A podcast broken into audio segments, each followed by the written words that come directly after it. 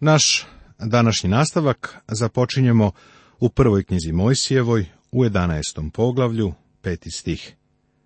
Prva knjiga Mojsijeva je poznata i kao knjiga postanja. Zapazi kako Bog reaguje na Vavilonsku kulu. A gospod siđe da vidi gradi kulu što zidehu sinovi čovečiji. I reče gospod, gle, narod jedan i jedan jezik u svih, i to počeše raditi i neće im smetati ništa da ne urade što su naumili. Kakva izvanredna izjava!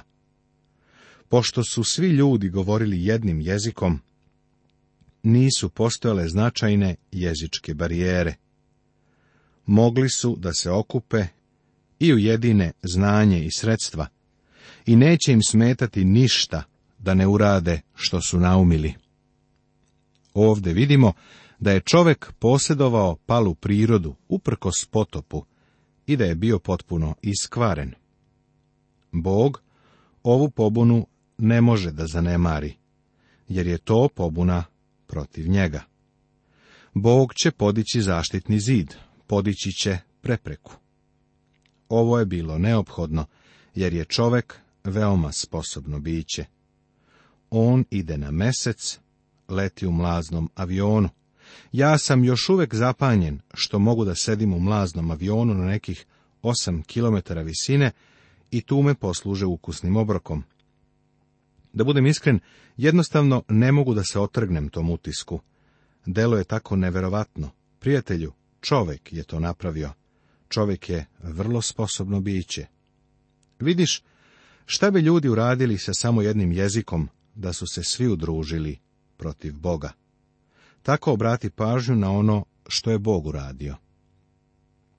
Hajde da siđemo i da im pometemo jezik, da ne razumeju jedan drugoga što govore. Tako ih gospod rasu odande po svoj zemlji, te ne sazideše grada.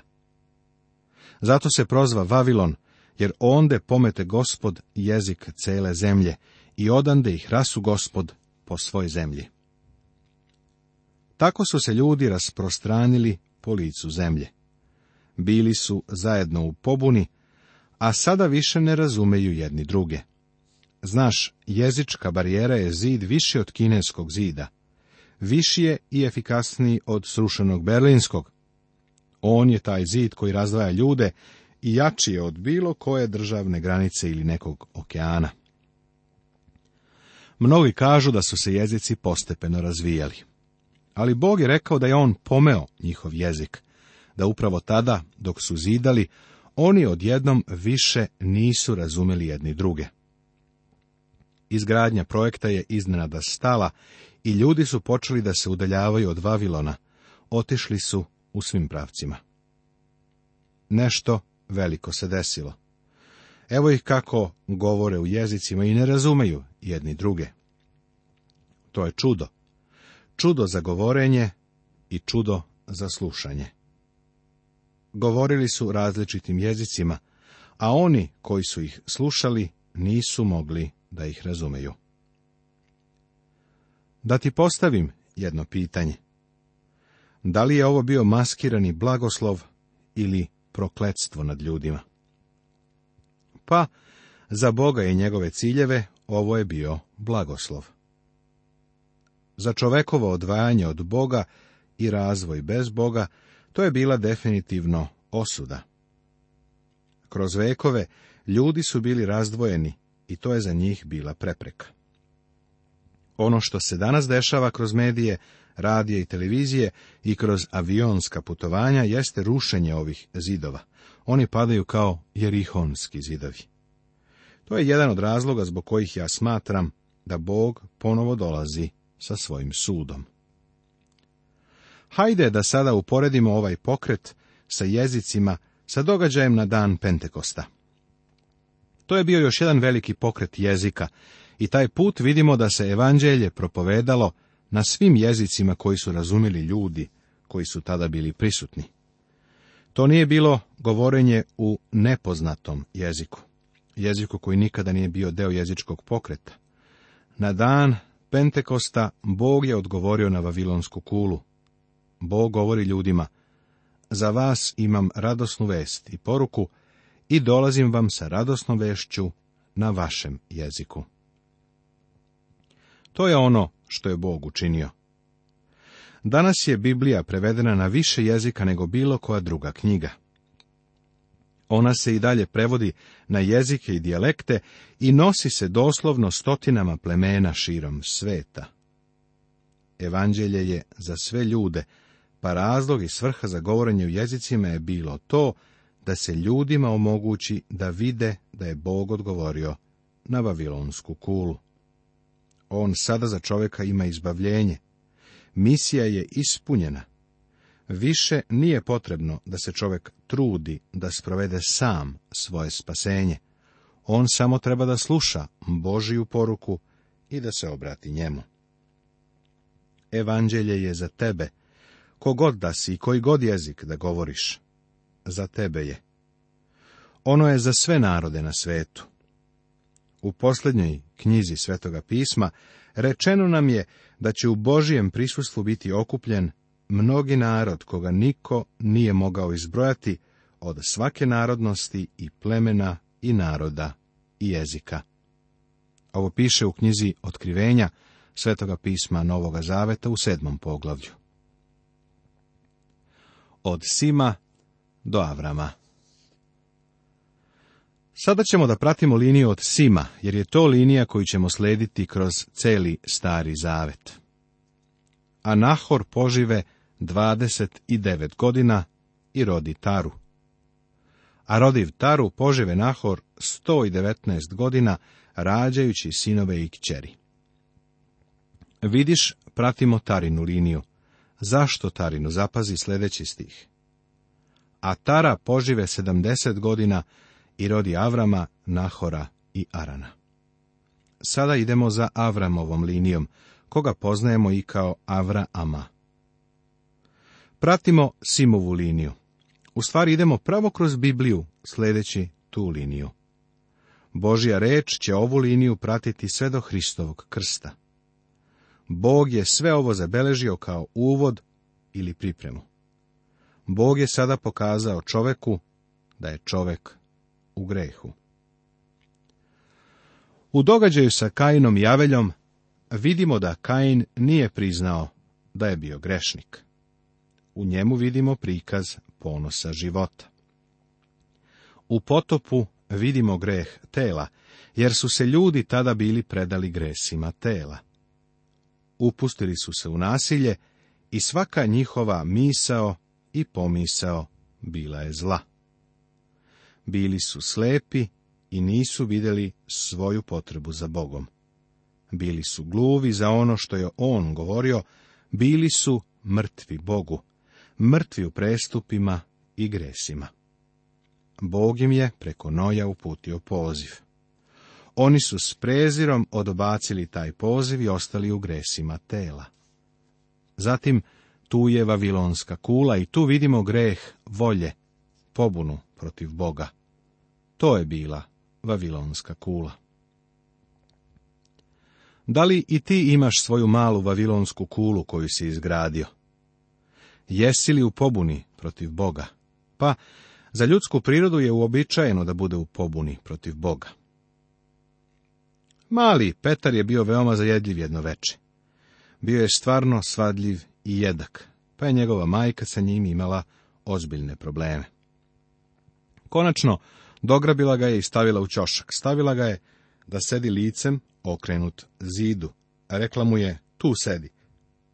Otišla je i vratila se u dnevnu sobu, gde su bili ostali članovi porodice. Posle izvesnog vremena začula je buku i pozvala ga Petra, jesi li ustao?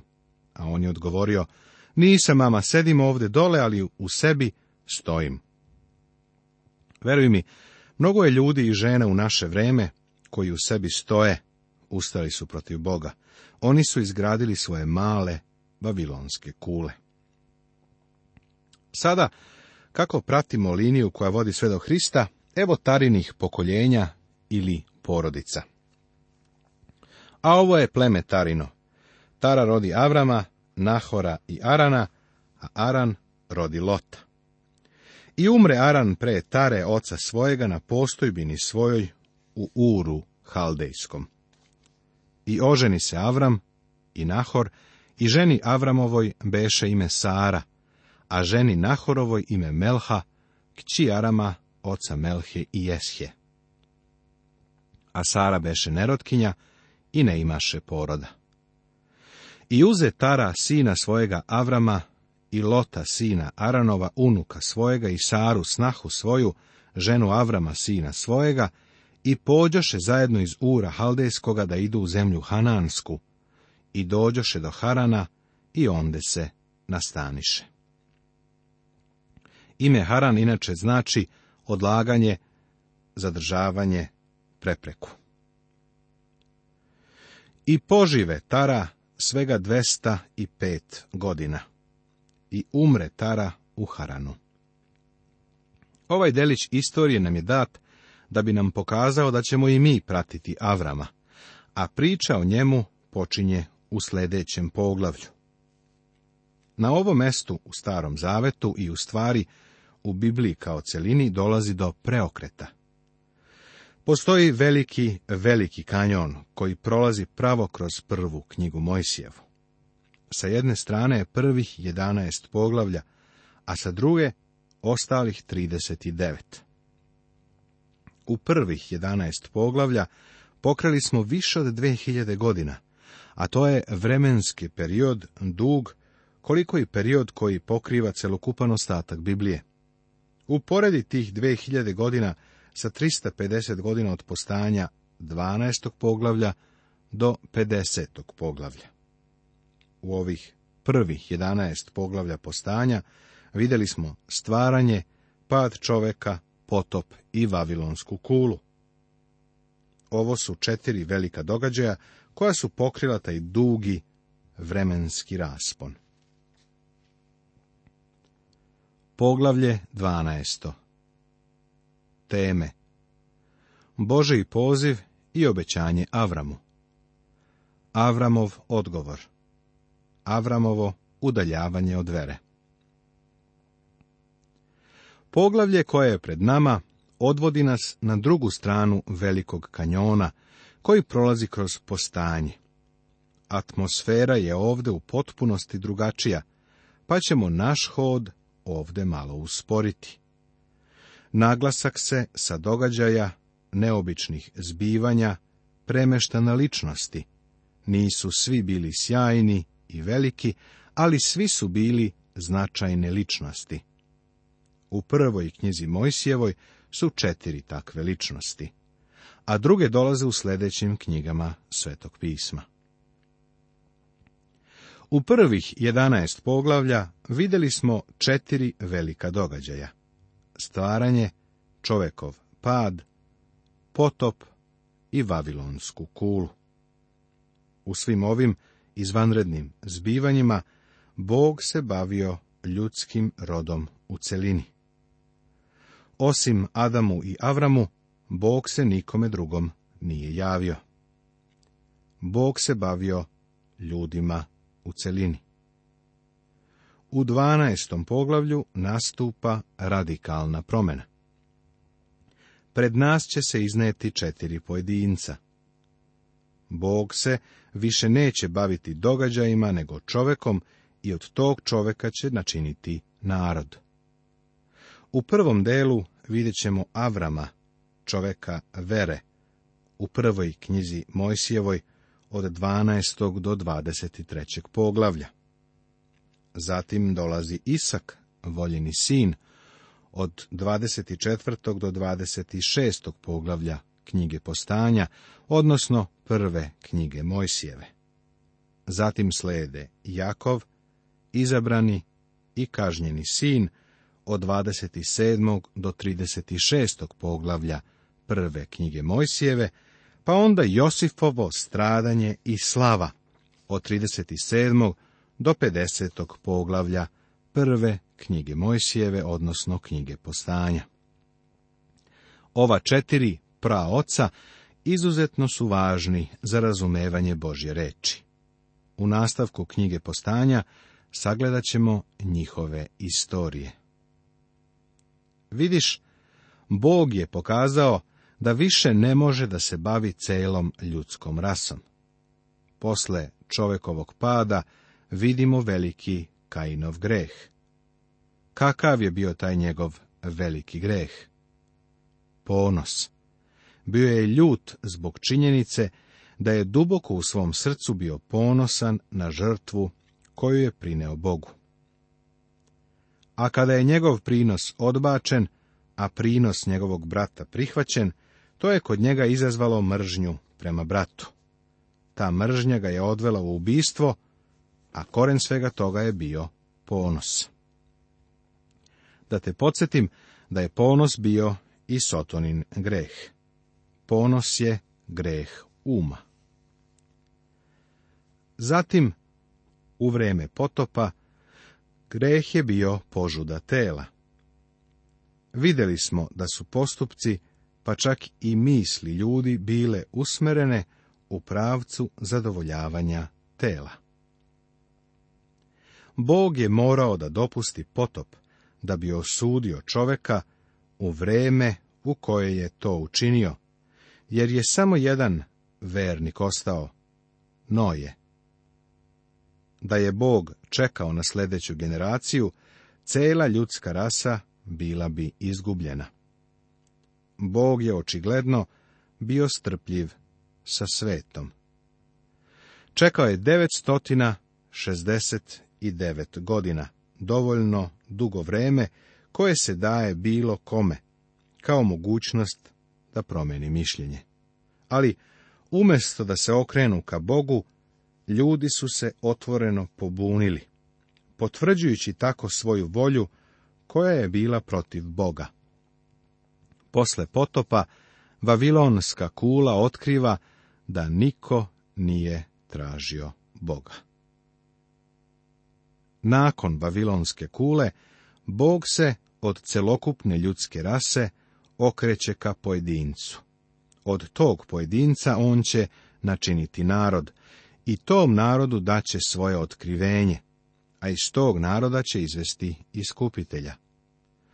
Očigledno je ovo jedini način na koji je Bog to mogao da učini. Ili, da to ovako kažem. I da je bilo drugih načina, ovo je bio najbolji. Možemo se pouzdati u Boga da On čini ono što je najbolje. Kada je Bog izabrao Avrama, izabrao je čoveka vere. Avram, po merilu bilo kog čoveka, jeste veliki čovek. On je jedan od najvećih ljudi koji je ikada živeo na zemlji.